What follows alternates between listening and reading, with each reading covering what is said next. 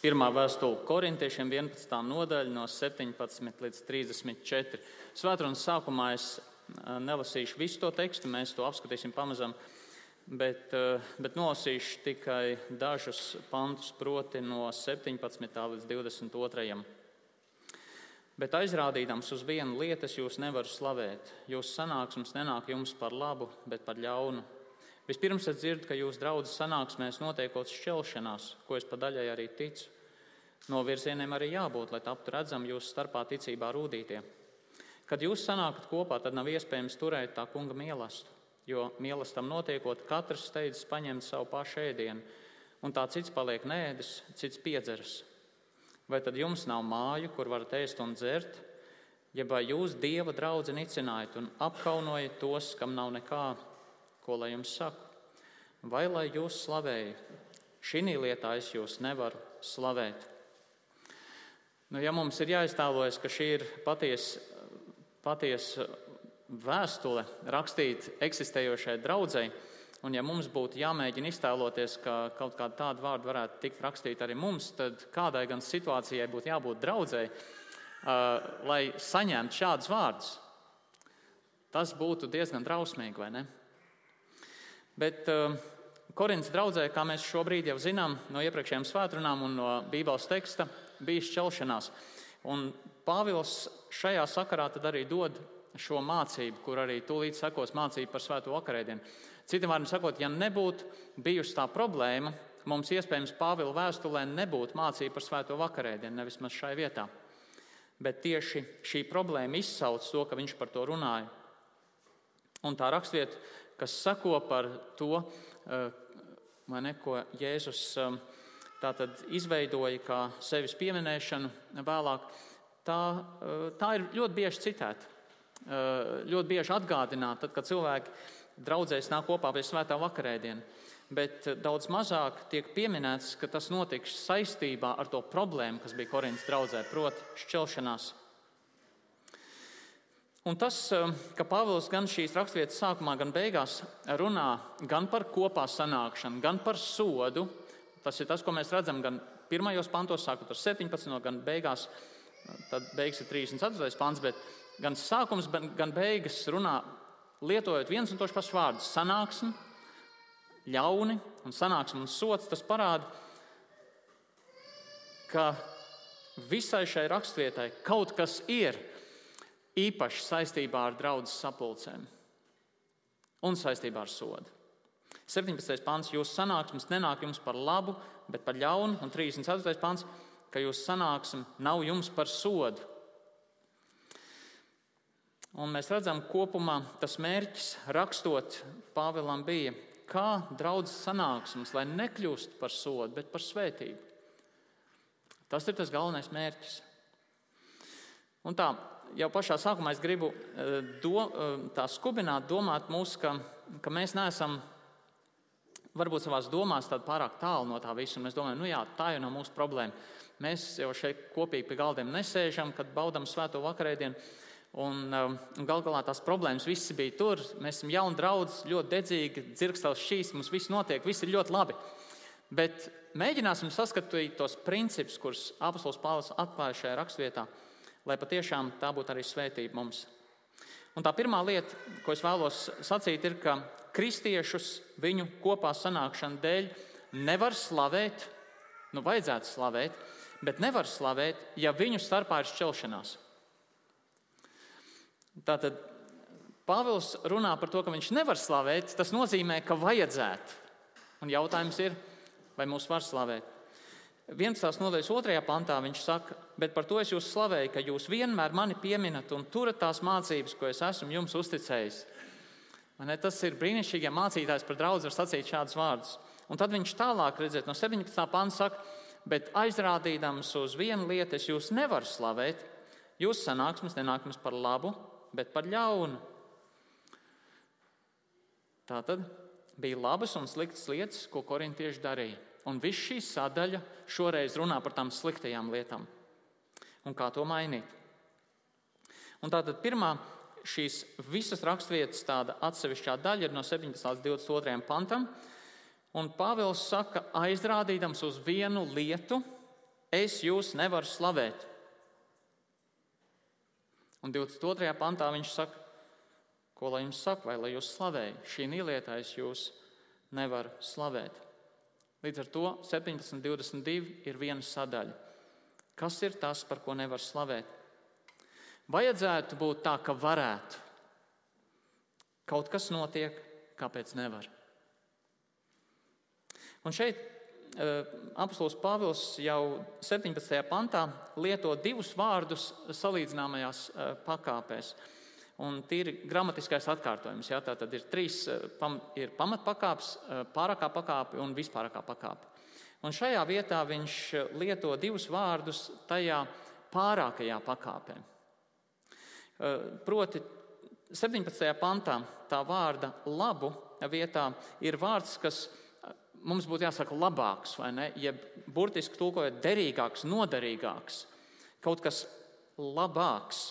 Un tas otrs vārds, kas ir ļaunu, šeit ir lietots vārds, kas būtu jātulko kaut kas mazāks, zemāks, vājāks. Un burtiski varētu teikt tā, jo ne uz ko labāku, jeb noderīgāku, bet, un šajā gadījumā ir lietots vārds, kas apzīmē ļoti spēcīgu pretēju nozīmi, bet uz ko mazāk, jeb vājāk jūs sanākat kopā. Citiem vārdiem, korintiešu sanāksmes draudzēji izdarīja vairāk sliktu nekā labu. Un tas izklausās diezgan traki. Ne, tu, tu ej uz baznīcu, un, un tu aizej, un rezultātā tas, kas pagājušajā svētdienā jau bija slikts, šo svētdienu kļūst vēl sliktāks. Un, un tad tu nākošais svētdien ej uz baznīcu, un tas, kas pagājušajā svētdienā jau bija sliktāks, kļūst vēl sliktāks. Tas ir tas, ko šie vārdi nozīmē šajā rakstvietā. Viss kļūst ar vien sliktāks. Un tāpēc arī Pāvils nevar par to nerunāt. Visam būtu jākļūst labākam. Viņš saka, sapulcēs tas nenāk par labu, ja labāk. Ar katru reizi vajadzētu būt labāk. Tu biji pagājušajā svētdienā es iešu šodien, jo būs vēl labāk. Un šo svētdienu bija kaut kas labāks. Es gaidu, nākošo svētdienu būs vēl labāk. Tas ir tas, kā Dievs grib, lai mēs redzētu savu kristīgo pieaugsmu, tad, kad mēs nonākam draudzes vidū. Tas ir tas, ko šis vārds nozīmē labāk. Bet patiesībā notiek otrādi.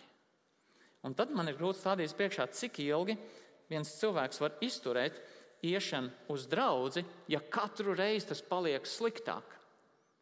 Un tad nav brīnums, ne, ka draudzes kļūst mazākas, kaut kas ir stārā, jo tur ir problēma. Tas nav tā, ka katru reizi ir slikti. Pāvils lieto vārdu, kas saka, ka katru reizi ir sliktāk. Uz vietas jau nekas nestāv.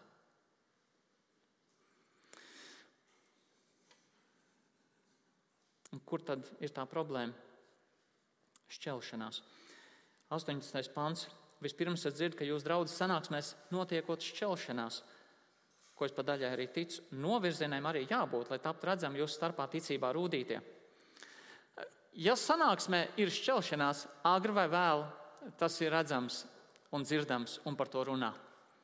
Un acīm redzot, šajā gadījumā tas nonāca līdz apustulim Pāvilam. Šķelšanās vienmēr padara lietas sliktākas.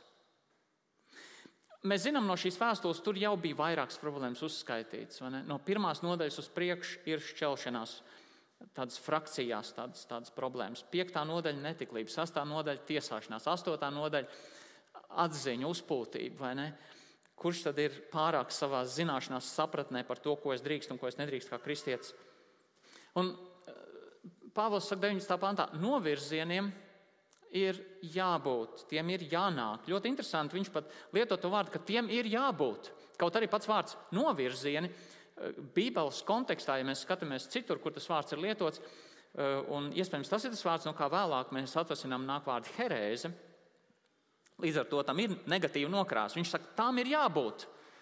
Kāpēc Pāvils saka, tam ir jābūt, bet tam ir mērķis? Viņš saka, lai kļūtu redzami, un latviešu valodā šeit rakstīts, ticībā rūtītie, jeb burtiski tie, kas ir pieņemami mums, tie, kas ir patīkami, tie, kas ir dievam patīkami, ja? tad, kad nāk problēmas, tad izkristalizējas, kas ir īsts. Un es domāju, šī patiesība nav jāmācās vairs nevienam visā pasaulē. kad nāk problēmas, kas šobrīd notiek pasaulē, tad izkristalizējas, kas ir kas. Vai ne? Nu, detaļās tālāk neiešu, mēs vairāk domāsim par kristīgo jomu.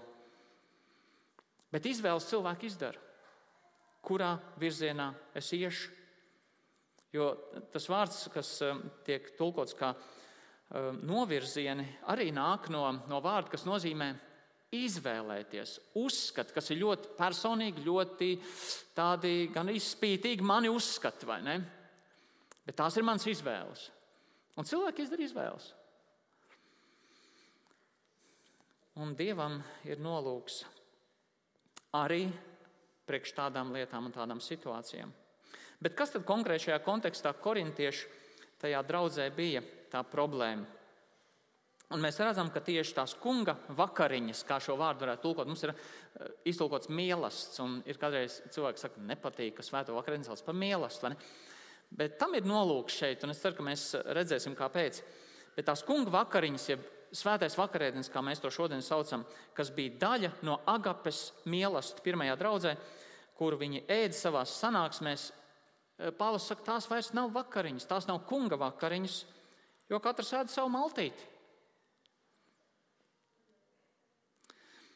20. pants, kad jūs sanākt kopā, tad nav iespējams turēt tā kunga mīlestību. Jo mīlestam notiekot, katrs steidzas paņemt savu pašu ēdienu, un tā cits paliek nēdz, cits piedzeras. Vai tad jums nav māja, kur varat ēst un dzert? Ja vai jūs dieva draugu nicinājat un apkaunojat tos, kam nav nekā, ko lai jums saku? Vai lai jūs slavēju? Šī lietā es jūs nevaru slavēt. Kad jūs sanākat kopā, un es turpinu burtiski, iztulkot nākošo frāzi, tās nav kunga vakariņas, ko jūs ēdat. Tur bija šķelšanās, un savu visās tajās citās lietās, arī par kurām jau es minēju, bet tas sasniedz to kulmināciju tieši kopīgajās maltītēs, kas vienlaikus bija arī tas laiks, kad viņi ņēma no tā galda un pieminēja Kristus nāvi. Potenciāli Pāvils saka, tas, ka jums ir šies, šie agapas mīlestības, šie mīlestības mīlestības, kā to vārdu tulko, un, un jūs ņemtu, potenciāli tur varētu ņemt un pieminēt Kristu, bet tas vairs nav iespējams. Kāpēc to darīt? Pētnieki domā, ka pirmā draudzene burtiski vakarēdienu pieminēja kopā ar kopīgām ēdienreizēm, balstoties to, kā Kristus to darīja. Kristus izmantojot paskā svētku mīlestību vakarā, kur viņš paņēma no tā galda, kas tur bija, maizi un biķeri, un teica, bet no šīs dienas uz priekšu atcerieties mani. Šis viss mīlestības bija, lai atcerētos iziešanu no Eģiptes, vai ne? Izraēliešu izglābšanu.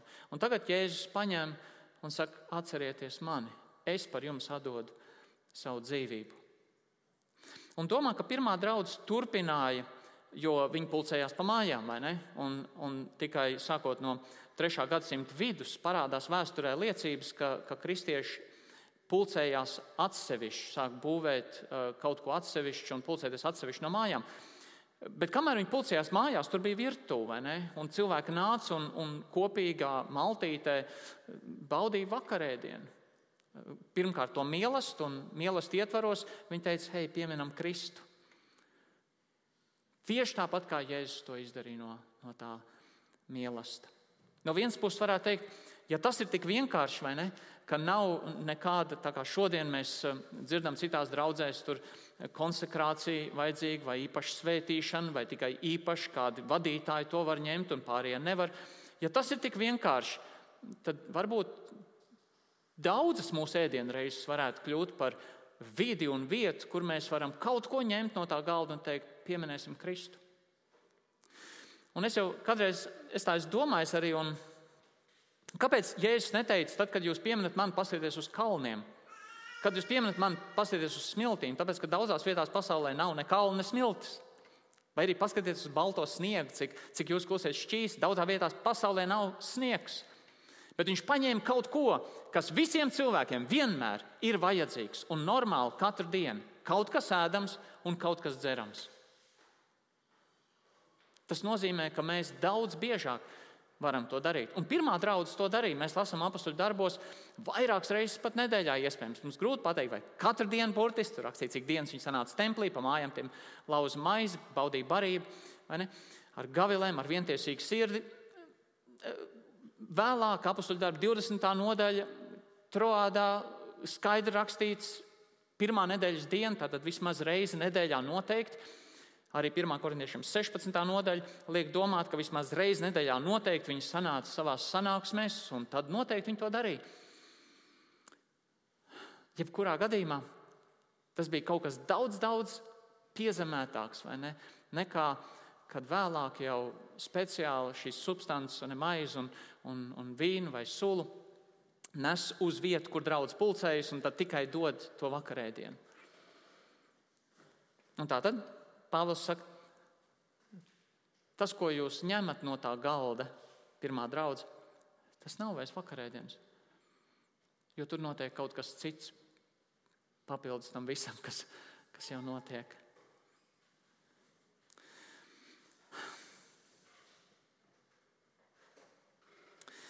Problēma dalīšanās saskaņā ar turību.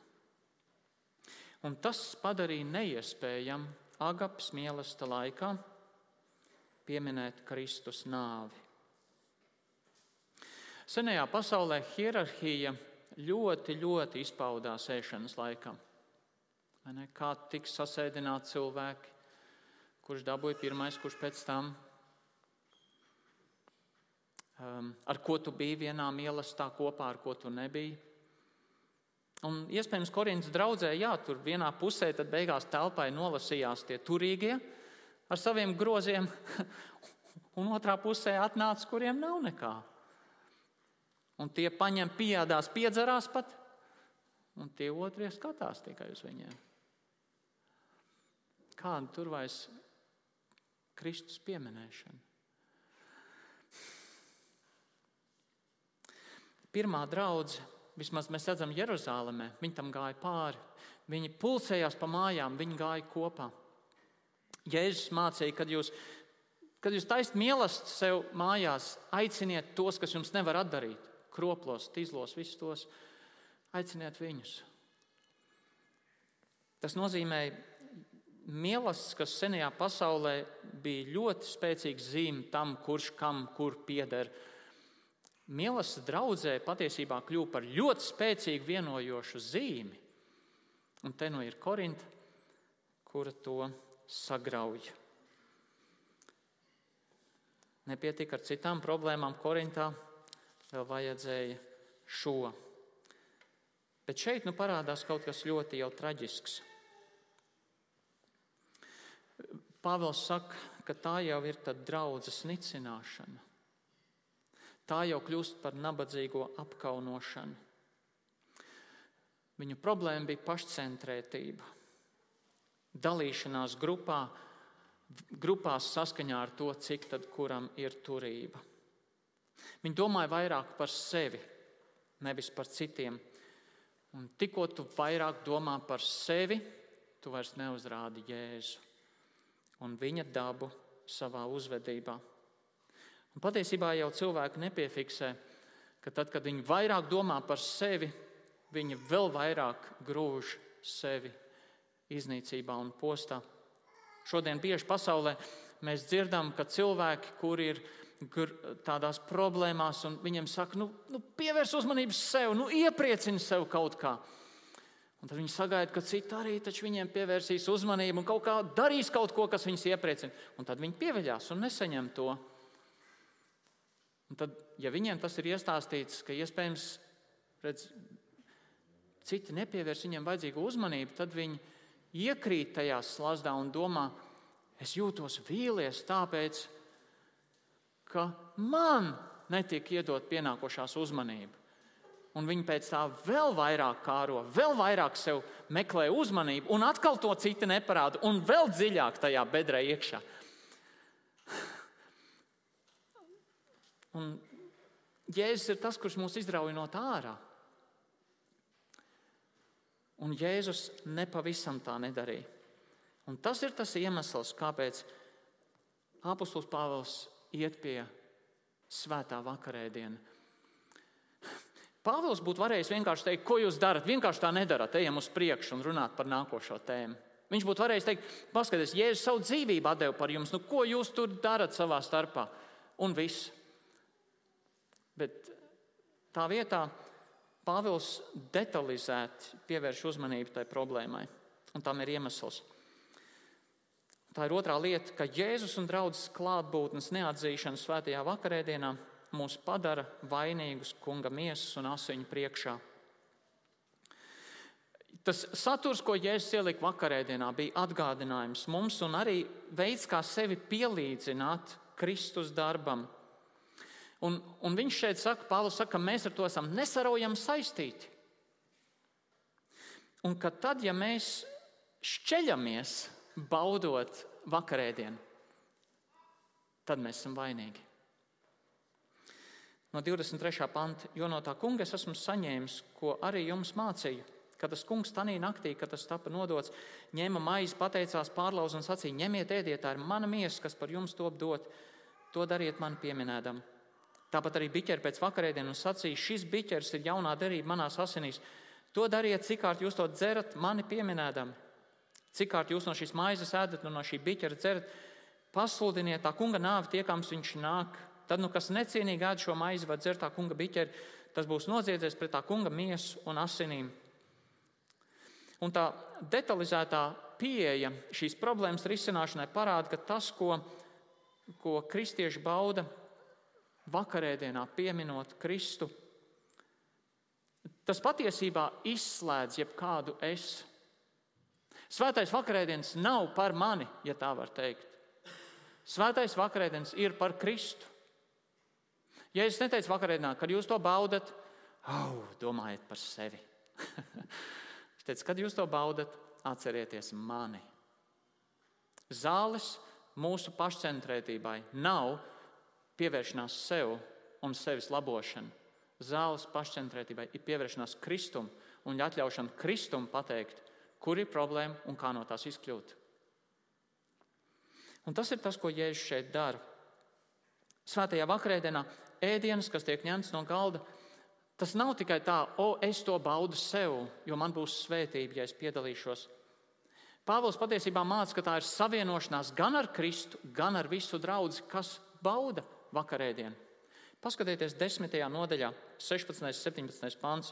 Svētības biķers, ko mēs svētījam, vai tas nav savienošanās ar Kristus asinīm, maizi, ko laužam, vai tā nav savienošanās ar Kristus miesu?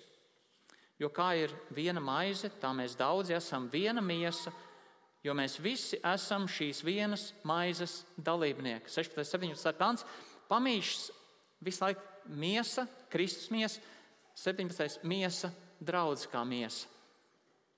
Un šeit, 11. nodaļas 19. pantā, viņš saka, jo kas ēd un dzer, tas ēd un dzer sev pašam par sodu, ja viņš neizšķir tā kunga miesu. Sautīgi ēdot korintieši un arī norobežoties no, no tiem citiem, kam nav tas ēdiens, viņi grēkoja patiesībā pret Kristu kas bija reprezentēts tajā maizē, ko viņi baudīja, kas reizē bija arī visas draudzes reprezentācija. Un Jēzus sadod sevi, viņš iet nāvē. Un ko darīja korintieši? Bet ko darām mēs? Savas zemes dzīves laikā Jēzus atkal un atkal mācekļus mācīja par pazemību. Matei 19. nodaļa vai ne? Neapgrēcināt tos bērnus, un pirms tam tie mācekļi paaugstinās viens par otru. Marka 10. nodaļa, Cebetēja dēlu tur meklē tās labākās vietas debesu valstībā. Tad paaugstināšanās par citiem, ka viņi ir tā cienīgi. Tie pārējie kļūst dusmīgi uz viņiem. Tad Jēzus dod mācību par pazemošanos un par to, ka viņš iet nāvē. Jāņa 13. nodaļa, kur Jēzus mācekļiem kājas mazgā un saka, ka Viņš ir priekšzīmē mums devis. Mums ir jāmācās pazemoties. Un liekas, te ir līdzība. Korintieši meklē, redz, es jau esmu labāks nekā tie citi, vai ne? Un Pāvils saka, Kristus gāja nāvē, atceries viņa nāvi. Un mācekļi savā starpā kopā esot ar Jēzu arī domāja, kurš no viņiem labāks. Un Jēzus saka, ja tu gribi būt labāks, kļūst par kalpu un es eju nāvē, lai izglābtu cilvēkus. Tieši tas pats. Un tā doma jau ir līdzīga arī citur, vai ne? Piemēram, pirmā Jāņa vēstule, kur ir minēts tā saucamais nāves grēks, kurš pēc konteksta, vismaz pirmā Jāņa vēstulē, ir divi grēki, kas pirmā Jāņa vēstulē tiek parādīti kā nāves grēki - nemīlestība un neticība Kristum. Un nemīlestību viņš pat uzdrīksts nosaukt trešajā nodaļā par antikrista garu, kas neatzīst, ka Kristus ir miesā nācis, proti negrib uzlocīt piedurknes, lai sasmērētos praktiskajā dzīvēm. Saka, tie ir antikristi, tie ir pret Kristu. Vai korintieši arī bija nostājušies pret Kristu, vai mēs nenostājāmies pret Kristu tajā brīdī,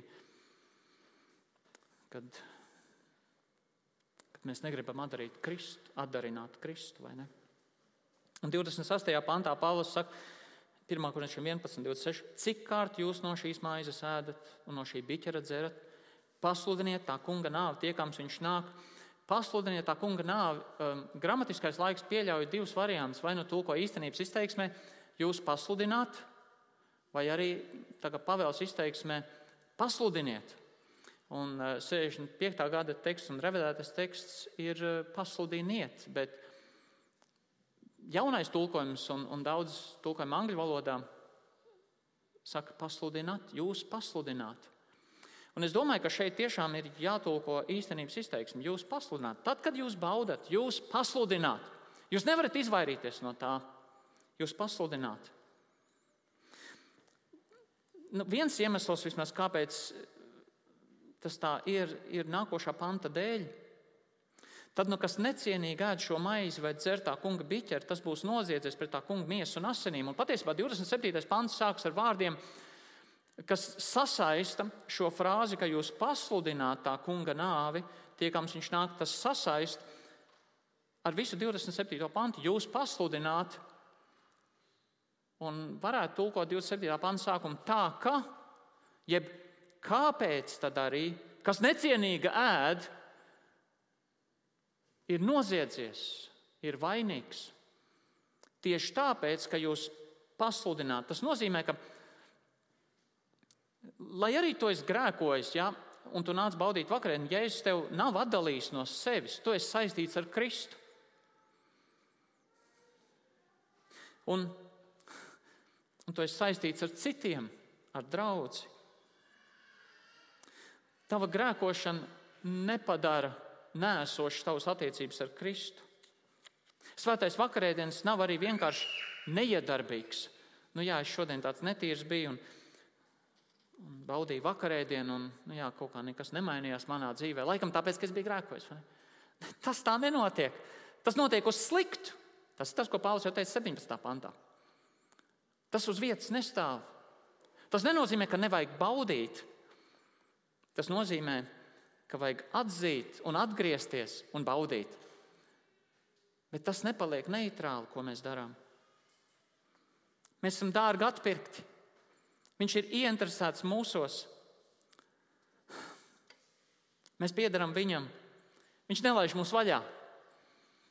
Un tad, kad mēs ne tā kaut ko darām, viņš nodarbojas ar mums.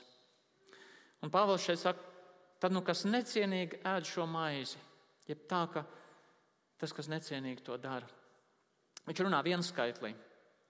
Viņš ir it kā runā uz visu draugu, uz visu draugu, un tad viņš vienskaitlī. Un tas ir līdzīgi kā Galatiešiem sastāvs nodaļas pirmais pants. Viņš saka, brāļi, viņš runā uz visiem. Ja arī kāds cilvēks ir pienācis kādā pārkāpumā, tad jūs, kas esat garīgi, atgrieziet tādus pareizus ceļus ar lēnprātīgu garu. Un lūkojies pats uz sevi, kā arī tu nekrīt kārdināšanā. Uz visiem, bet attiecībā uz piesardzību pret grēku, vai šajā gadījumā korintiešiem, uz atgriešanos, Runa par tevi ļoti personīgi.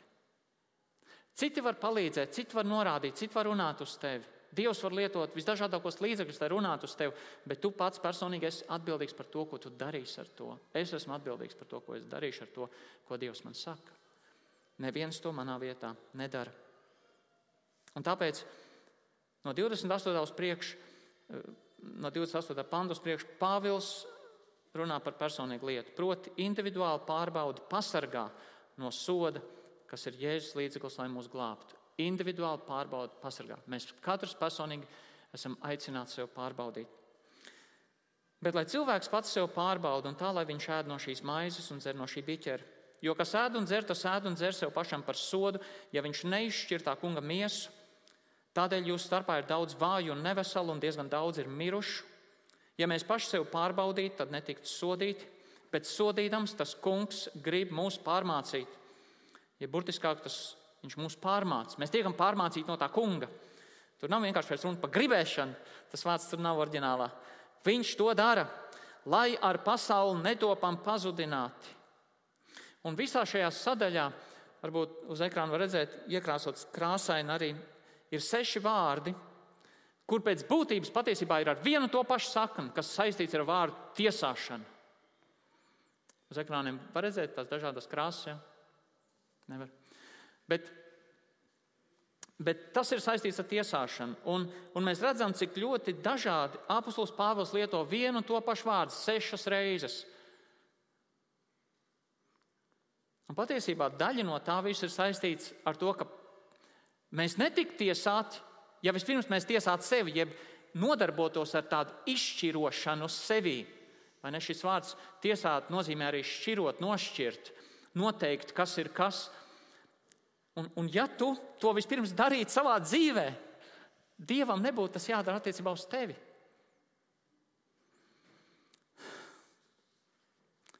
Mēs esam iesaistīti. Ir svarīgi, ka citi nāk palīdzīgā. Protams, Mateja evanģēlī 18. nodaļa par to runā.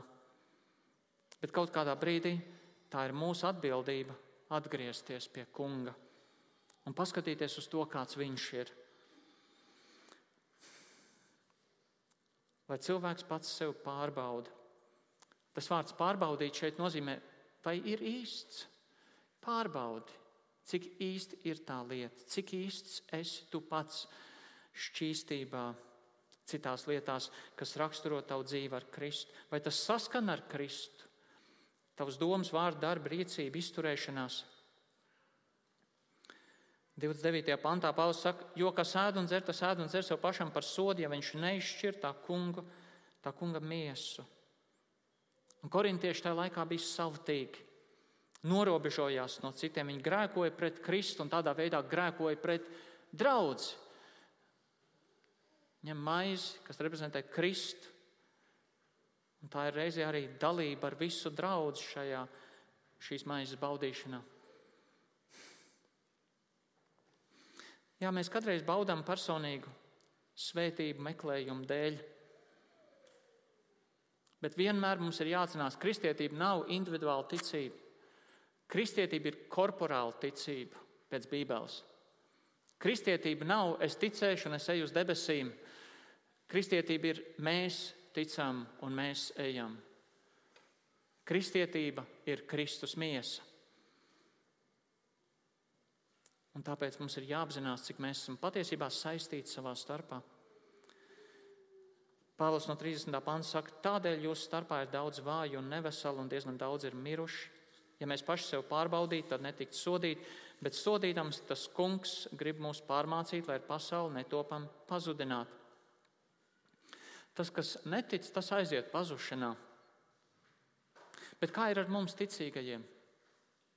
Un šī raksturvieta saka, ka, lai mūs glābtu, Jēzus mūs pārmāca. Un šeit ir lietots vārds, kas, kas nu, saknē tas vārds, tas pats, ko mēs šodien saucam par pedagogu, pedagogi. Viņš nodarbojas ar mācīšanu, ar pārmācīšanu. Un, un šeit lietot trīs vārdi. Kā Jēzus mūs pārmāca? Viņš mums liek vai nu piedzīvot kādas vājības, jeb tādas vienkāršas slimības, Otrais vārds apzīmē chroniskas slimības, nopietnākas, ilgstošas, varbūt pat nedziedināmas. Bet, ja mēs meklēsim, tas kungs pateiks, kas ir kas. Un trešā pārmācība ir nāve. Bet šajā gadījumā šeit ir piebilde. Sodīdams, viņš mūs pārmāca, lai mēs netiktu pazudināti. Nāve kristietim var būt kā sots, lai viņu izglābtu. Ja, ja tā ir dieva žēlastība pēc Bībeles, Bībele māca, ka nāve var būt dieva žēlastības līdzeklis, lai glābtu cilvēkus. To mēs lasām arī vecajā derībā par vienu no patiesībā pirmo dalītās ķēniņu valsts, jeb Izraels ķēniņu valsts uh, vadītāju karali Jerobiām, kad viņa dēls bija slims. Dievs teica, viņā vēl kaut kas labs ir atrasts, un tāpēc Dievs viņu ņem pie sevis. Viņš liek viņam mirt, jo viņā vēl ir kaut kas labs. Nāve var būt Dieva žēlastības līdzeklis, lai izglābtu no vēl lielākas grēkošanas. Un tas ir tas, kas šeit notiek. Ir, ir varbūt mēģinājumi kādreiz šo vārdu nāve kaut kā pārveidot uz kaut ko citu, kaut kādu tādu miegainību draudzē. Tad tas pats ir jādara ar iepriekšējiem diviem vārdiem, vai ne? Bet, bet gluži vienkārši esot uzticīgam kontekstam un tam, kā šis vārds ir lietots arī citur, Eh, tas vārds patiesībā nāk no vārda miegs, gulēšana, un citur Bībelē tas ir ļoti skaidri apzīmēts kā nāve. Tad mēs saprotam, arī šeit tas tā ir. Un Pāvils saka, ja mēs paši sev pārbaudītu, tad netiktu sodīti. Ja mēs paši spriestu par sevi, Dievs nespriestu par mums, ja mēs šķirot to, kas notiek mūsos, tad Dievam nebūtu beigās jāšķiro mūsu. Un jautājums ir, vai mēs to darām savā dzīvē, vai mēs paskatāmies to, kas notiek ar mums. Kurā virzienā tad skatīties? Un tā ir pēdējā doma šajā rakstvietā. Lai draudzes sanāksmes nekļūst mums par sodu, tad mums ir jākalpo viens otram. Jākalpo. Tāpēc, mani brāļi, kad jūs sanākat uz mielas, tad gaidiet cits uz citu. Ja kas ir izsalcis, lai pēd mājās, ka jūsu sanāksme nav jums par sodu, vispārējo noteikšu, kad ieradīšos pie jums. Risinājums šai šķeltnieciskai darbībai draudzē ir kalpošana. Kāpēc es to vārdu kalpošanu minu? Patiesībā tas ir tas, kur Pāvils nirst iekšā tūlīt nākošās četras, atvainojos, di, eh, trīs nodaļas. Trīs nodaļas, 12, 13, 14 ir par kalpošanu. Bet šeit viņš it kā tādu mājienu aizmet tajā virzienā. Un viņš saka, gaidiet citu, citu. To vārdu var tulkot Eh, ja mēs saprotam, pareizi var atstāt arī gaidiet, bet patiesībā tas vārds nozīmē eh, pieņemiet citu, citu eh, saņemiet, uzņemiet, sagaidiet. Ja? Tas ir apmēram tā, ka, ka kāds nāk šurp uz draugu, un es jau gaidu viņu. Ar labām expectācijām es gaidu, kad viņš atnāks. Un tas ir tas, kā vajadzētu izturēties tiem kristiešiem Korintas draugiem vienam pret otru. Nevis norobežoties, es atnācu, atrodu savu stūri vai meklēju jau, kur ir manējie. Bet kā palikt ar skatu uz to virzienu, kur cilvēki vēl nāk? Un priecāties par katru, kurš nāk, un sagaidīt viņu.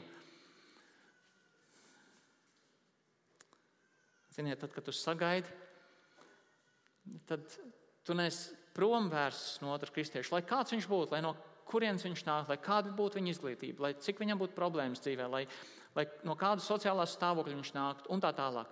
Tu esi vērsts viņa virzienā. Un tā ir iespēja, iespēja kalpot, iespēja mīlēt, iespēja tikt izmainītam Kristus līdzībā. Un tā noslēgumā. Burtiski mēs varētu teikt, Korintā Jēzus neturēšana centrā Agapes mīlestības laikā bija nabadzīgo nemīlēšana, masturīgo atstumšana un līdz ar to arī grēkošana pret Kristus miesu un asinīm. Un tas ir nopietni. Ko mēs varam paņemt no tā šodienai? Jēzus mīlestību mēs varam apliecināt dažādos veidos. Ja mēs liekam centrā sevi, manas vajadzības, manas domas, manas vēlmes, un nevis Kristu, tad mēs nonākam līdzīgās problēmās. Nepietiks ar to, ka mēs teiksim, mums jau nav šeit mīlestības, bet mums ir citas lietas. Šeit ir kāds princips, kur mācīties. Ja mēs norobežojamies no citiem, ja mēs sakām, nu, oh, tas jau nerunāšu nemaz par tām nosauktām lietām, kā mēs varam šķirot viens otru, bet, bet kaut vai tādās lietās, oh, es jau lietas redzu citādāk nekā viņš. Vai, ne? vai arī man jau nav tik interesanti ar viņu runāt, vai, ne? vai arī viņš tur ir sācis runāt ar viņu, tu vaļā netiks no viņa, vai, ne? vai vēl kaut ko. Un mēs vienkārši neejam pie viņiem pēc dievkalpojuma vai pirms dievkalpojuma, vai ne? Vai arī ko es ar viņu runāju? Viņš parasti klusē. Man ir jāvēl ārā no viņa, vai ne? Mēs redzam atšķirības. Vienalga, kas tās būtu, jums ienāk prātā citas. Ja mēs vairāk domājam par to, kā es tajā jutīšos, nevis par to, lai Kristu rādītu tam cilvēkam, lai Kristum ļautu pieskarties caur sevi, tad jau mēs esam tajā pašā vietā. Un tad mēs nākam pie vakarēdienas, un īpaši vēl draudzē, ja mēs tuvojamies tam galdam, Mēs varbūt vēl kādreiz paskatāmies uz to rindu, kurā stāvēt. O, reku, es pie tā vai ne? Tur, tā, tuvāk viņam. Tik ātri un tik vienkārši tas notiek.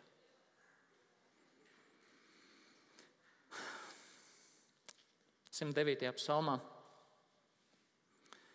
runāts par to, kas notiek ar to, kas neparāda mīlestību. Un Dāvids izsaka briesmīgu soda lūgšanu. Es nesaku, ka tas ir tas, kas notiks ar, ar draugu, bet es, es tomēr gribu to pieminēt. Jo, jo tā ir tā raksturvieta, kas tika citēta par vienu no Jēzus mācekļiem, par Jūdas. Pēters to citēja. Un 109. psalmā mēs lasām no 15. pantus priekšu, otrā pusē. Viņa piemiņa, lai izzūd virs zemes, tādēļ, ka viņš necentās rādīt mīlestību, bet vajāja atstāto un nabago un sirdī noskumušo, lai to nogalinātu. Viņš mīlēja lāstu, lai tas tagad krīt uz viņa galvu. Viņš nemīlēja svētību. Tā tagad, lai paliek tālu no viņa. Mēs varētu teikt, kā mēs jau nekādas lāstas neizsakām. Ne? Bet mēs pietiekoši daudz runājam. Kādreiz viņš tur tāds, un viņš tur tāds, un viņš tur šitāds. Viņš terpās lāstos kā drēbēs, lai tie tagad spiežas kā ūdens viņam iekšā, kā eļļa viņa kaulos. Tie, lai top viņam kā par drēbēm, kas viņus sedz kā par jostu, ar ko tas jožas. Tālu ir tā kunga alga maniem pretiniekiem un visiem tiem, kas par mani runā ļauni. Es izteikšu minējumu. Ja jau draudzē, toreiz Korintā, un varbūt šodien mums kaut kādās lietās mēs norobežojamies viens no otra, mēs tā kā šķeļamies drusciņi. Es izteikšu minējumu, mēs, mēs to darām arī ārā. Tas nav tā, ka tas notiek šeit, nezinu kādu iemeslu dēļ, vai ne? Ārā esam eņģeļi. Tas notiek arī tur. Jautājums ir, vai mēs rādām Jēzu. Un tad mēs baudām vakarēdienu. Un, un Jēzus saka, cik kārt jūs to no maisa sēdat un šo biķeru dzerat, jūs pasludinat. Pati baudīšana ir pasludinājums. Un tu saki, Jēzus ir nomiris par maniem grēkiem, kurus es daru un kurus es turpināšu darīt. Vai ne? Tā sanāk.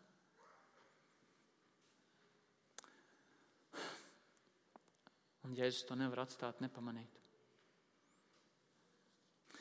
Mums ir ļoti, ļoti svarīgi atgriezties pie tām ko Jēzus grib redzēt mūsu dzīvēm. Marka 10, no 42. Bet Jēzus tos pasauc, tas ir mācekļus un saka tiem, jūs zināt, ka tie, ko par tautu valdniekiem tur, tie tās apspiež, un viņi lielie kungi dara tām pāri. Bet tā, lai nav jūsu starpā, bet ja kas no jums grib tapt liels, tas lai ir jūsu sulainis, bet ja kas starp jums grib būt pirmais, tas lai ir visu kalps. Jo arī cilvēka dēls nav nācis, lai viņam kalpotu, bet lai pats kalpotu un savu dzīvību atdotu par atpirkšanas maksu par daudziem. Tu gribi, tu gribi būt kopā ar Kristu, tad skaties, ko Kristus darīja. Viņš gāja nāvē. Nu tā, trīs lietas pašās beigās. Draudzes vide ir vieta, kur kalpot, lai Kristus tiktu likts godā un centrā. Katru brīdi, kad mēs kaut kādā veidā norobežojamies, Kristus vairs nav centrā. Ne mūsu draudzē, ne mūsu draudzes pieredzē. Un tas ir vārds man un mums ikvienam. Katru sekundi. Jo kamēr mēs dzīvojam šajā pasaulē, mūsu grēcīgā daba mūs pavadīs, līdz mēs nomirsim un tiksim atraisīti. Ne par velti apustulis Pāvils romiešiem 7. nodaļā sauc, kas mani izraus no šīs nāvei nolemtās miesas. Visu laiku cīņa. Visu laiku tā būs cīņa, un mums ir jāmeklē Jēzu celt augšā caur kalpošanu. Otra lieta, kur aicinu paņemt no šīs raksturvietas, tad, kad mēs sanākam kopā, katrai sanākšanai ir jānāk par labu draudzē, nevis par sliktu. Un nevis tikai laba pieredze, un nākošais būs laba pieredze, bet tas, ko šī raksturvieta māca, 17. pāns. Labāka pieredze par pagājušo šoreiz, un vēl labāk nākošais, ar katru reizi labāk. Tas ir tas, kā mums tas ir jāredz. Tas ir tas, kas mums ir jāvēl viens otram, uz ko mums ir jāiet un jātēmē. Un visbeidzot, trešā lieta, tas, ar ko es sāku. Draudzes sapulcēm ir jābūt tādām, ka kristiešus par to var slavēt. Nu, es nedomāju tā pašcentrēti, bet tādā nozīmē, kā Pāvils saka. Tas ir ļoti labi, ko jūs darat. Tas ir labi. Un tā, ja tas nenotiek, tad Jēzus nes sodu.